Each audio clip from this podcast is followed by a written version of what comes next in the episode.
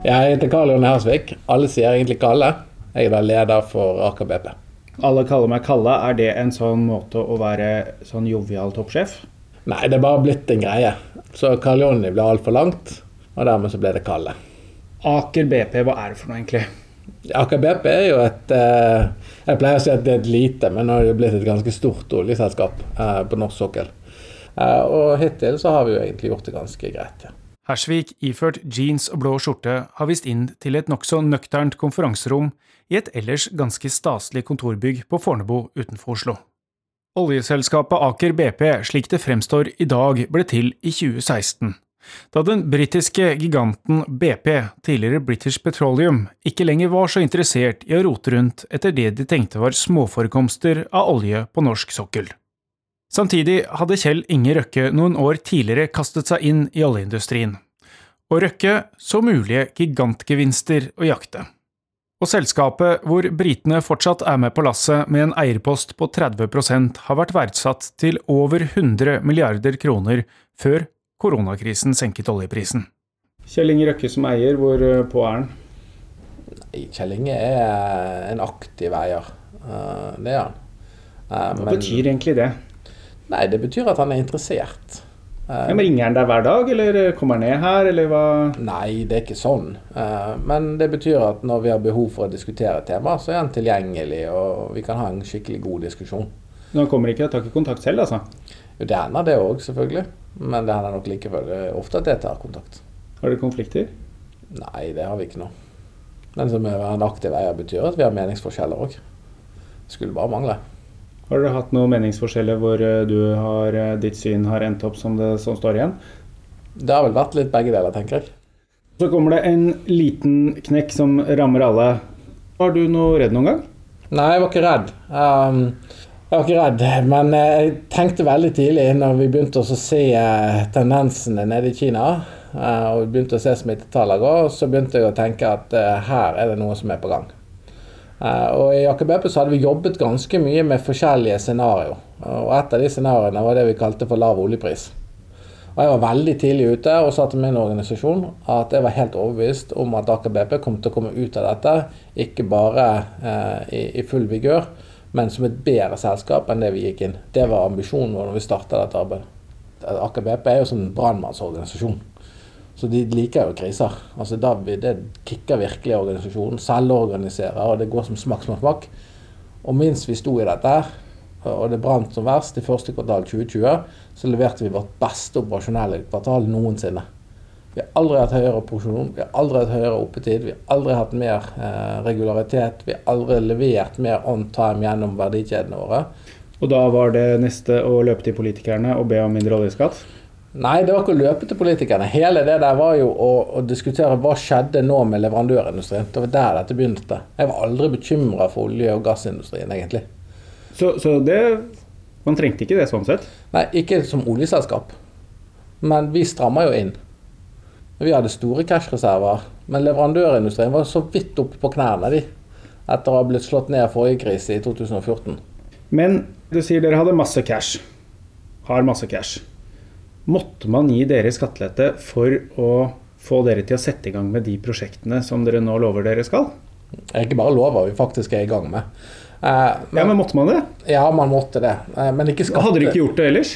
Nei, altså, Sånn som det var nå, så hadde vi nok startet prosjektene, men seinere. Når vi hadde bedre transparens på hva fremtidig oljepris osv. hadde vært. Men da er jo... hvor, hvor mye raskere setter dere i gang nå, da?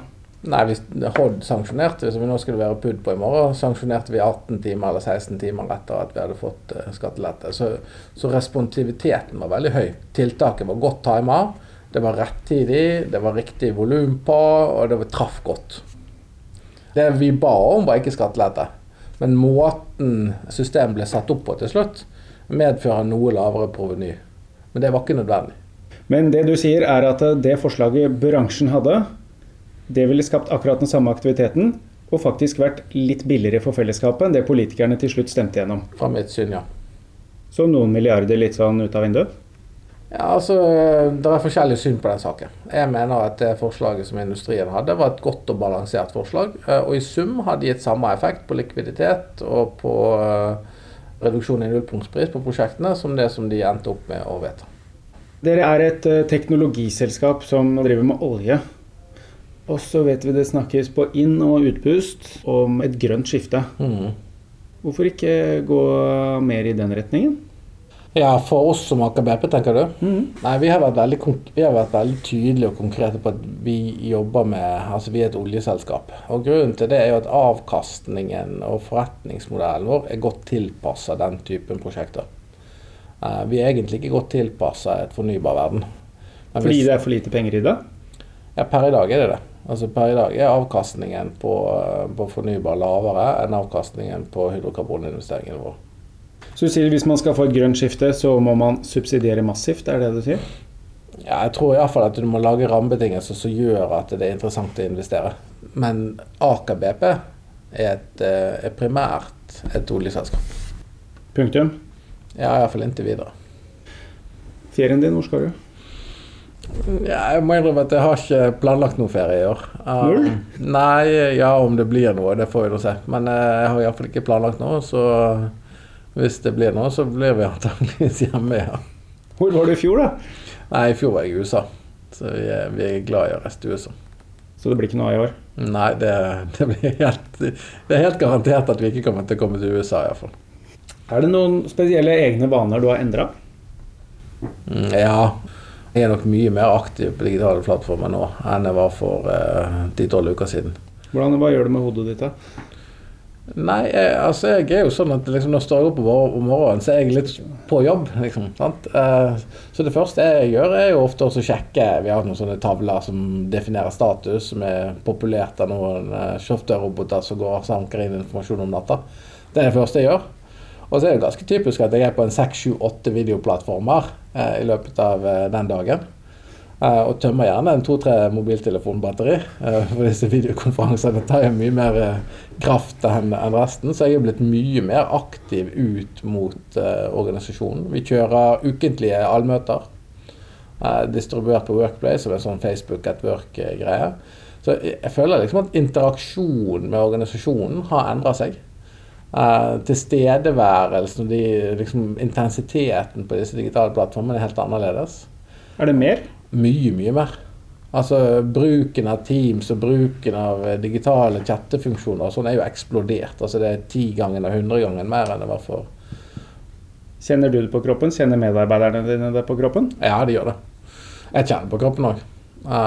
Blir for mye? nei, det vet jeg ikke, men du må beskytte deg sjøl på en annen måte.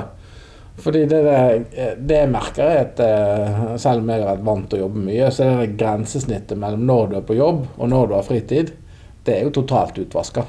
Det må jeg innrømme at det sliter jeg med sjøl. Så jeg har jo bare innfunnet meg med at jeg er stort sett på jobb. Når du våkner om natta, hva gjør du da? Jeg prøver å sove igjen. Du sjekker ikke om uh... Nei, jeg må innrømme det at jeg har prøvd å la være det der. For plukker jeg opp, ja, plukker opp telefonen der, så går det jo fort noen timer, og så er det vanskelig å sove igjen. du har gjort den feilen? Ja, ja. Det har jeg gjort. Det, da, da er du trøtt dagen etterpå, altså. Dere stengte ikke helt ned selv under den verste perioden. Er det noen sånn smitteråd som du selv ikke har fulgt eh, helt? Ja, nei, det vet jeg egentlig ikke. Eh, Altså, Jeg har prøvd å være veldig sånn strigent på dette, for jeg har min kone med MS. Så det å få korona hjemme har vi vært eh, ganske bekymra for.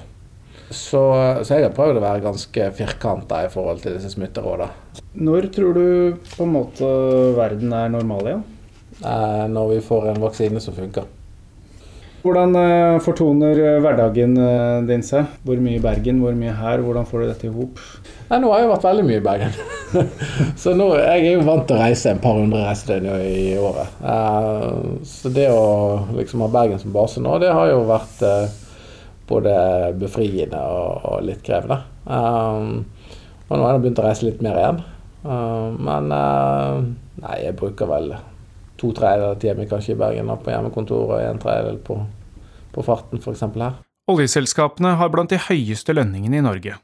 Carl Jonny Hersvik fikk 12 millioner kroner i fjor i lønn og bonus. For å lede Aker BP i pendlertilværelse mellom hjembyen Bergen og kontorene på Fornebu utenfor Oslo. I den, den krisa vi har vært uh, gjennom nå, så har man sett veldig mange på hjemmekontor, og dere har brukt mye hjemmekontor. Og så har man sett ganske mange arbeidstakere med ganske lave lønninger, som var de som faktisk sto igjen og måtte være på jobb for at Norge i det hele tatt skulle fungere sånn noenlunde. Mm.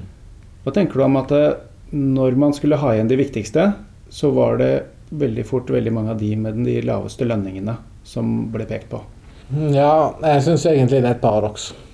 Og jeg syns egentlig at eh, hvis jeg tar utgangspunkt i min egen situasjon, eh, så er det klart at vi kunne ikke driftet uten våre offshore-medarbeidere.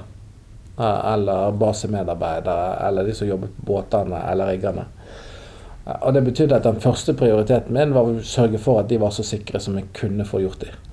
Og det betydde at vi gjorde ganske mange grep veldig tidlig for å beskytte dem.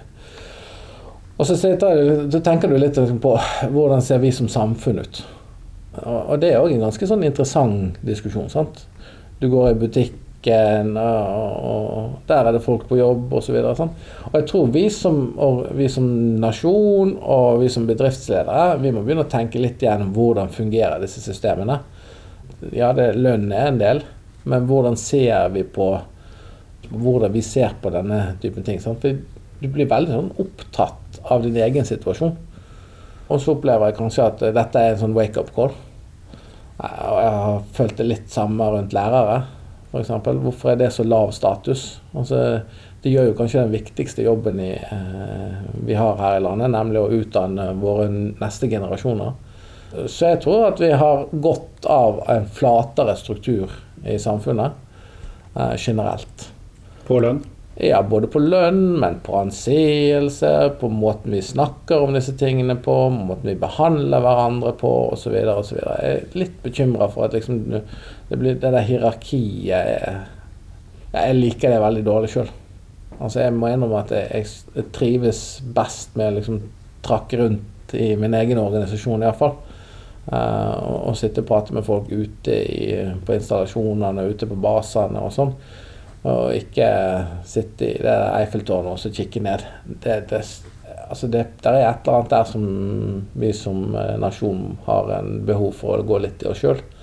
og det er oss som bedriftsledere som iallfall internt i våre egne organisasjoner vi må virkelig gå opp, eh, gå opp dette på nytt. Altså. Betyr det også et lønnsløft typisk for de gruppene, eller betyr det at man må ha en lønnsmoderasjon eller kutt i de lagene som nå tjener mest? Altså, jeg tror det er mange elementer i dette, men, men jeg tror lønn er ett av de. Eh, Og jeg tror nok at eh, personlig så tror jeg at det må være en kombinasjon av, disse tingene. Også lønnskutt? Ja, jeg, jeg tror at over tid så er man nødt til å tenke litt på hvordan eh, avstanden er mellom leder og medarbeider i en sånne, i en sånne bedrifter. Og vi må i hvert fall ikke komme i en sånn situasjon eh, som en del amerikanske bedrifter har, hvor, hvor det liksom er enorme avstander. Det tror jeg vi som nasjon er tjent med. Og jeg klarer heller ikke å se at det er tilpassa den norske kulturen. Kommer dere til å gå foran da med et godt eksempel i forhold til det du sier nå? Vi var veldig ti- tidlig ute nå og stoppa bonuser og hele dette greiene her. Jeg har personlig sagt at min lønnsutvikling skal iallfall være flat i inneværende år. Eh, som egentlig betyr at det er en negativ reallønnsutvikling. Eh, og, så må vi diskutere litt hvordan vi som eh, samfunn tilnærmer oss dette. Men, men det, det er et eller annet òg med anseelsen. Altså hvordan ser vi på disse gruppene? Jeg må innrømme at jeg har tatt ganske mange beslutninger om samarbeidspartner basert på hvordan de håndterer f.eks. kelnere på restauranter. Står det? Ja, ja. Altså, hvis, du ikke, hvis du ikke klarer å håndtere dine mennesker med, medmennesker med respekt, så sitter jeg og tenker på okay, hva skjer i en konfliktsituasjon nå? Altså, er dette en kultur, er dette et verdisett jeg kan identifisere meg med? Var det en stor kontrakt? Eh, ja, akkurat dette eksempelet var en konsulentavtale. eh, som vi var egentlig i ferd med å sluttforhandle, og jeg må innrømme at det, det ble ikke noe. Som- Skjønte de det der da? Ja, etterpå så skjønte de det. Ga de ganske klar beskjed om hvorfor det hadde, det hadde blitt sånn. Da blir det god sommer uten ferie på deg. Eh, Det er nok noen hjemme som håper på at det skal bli litt mer tid til familien, men eh, vi får se.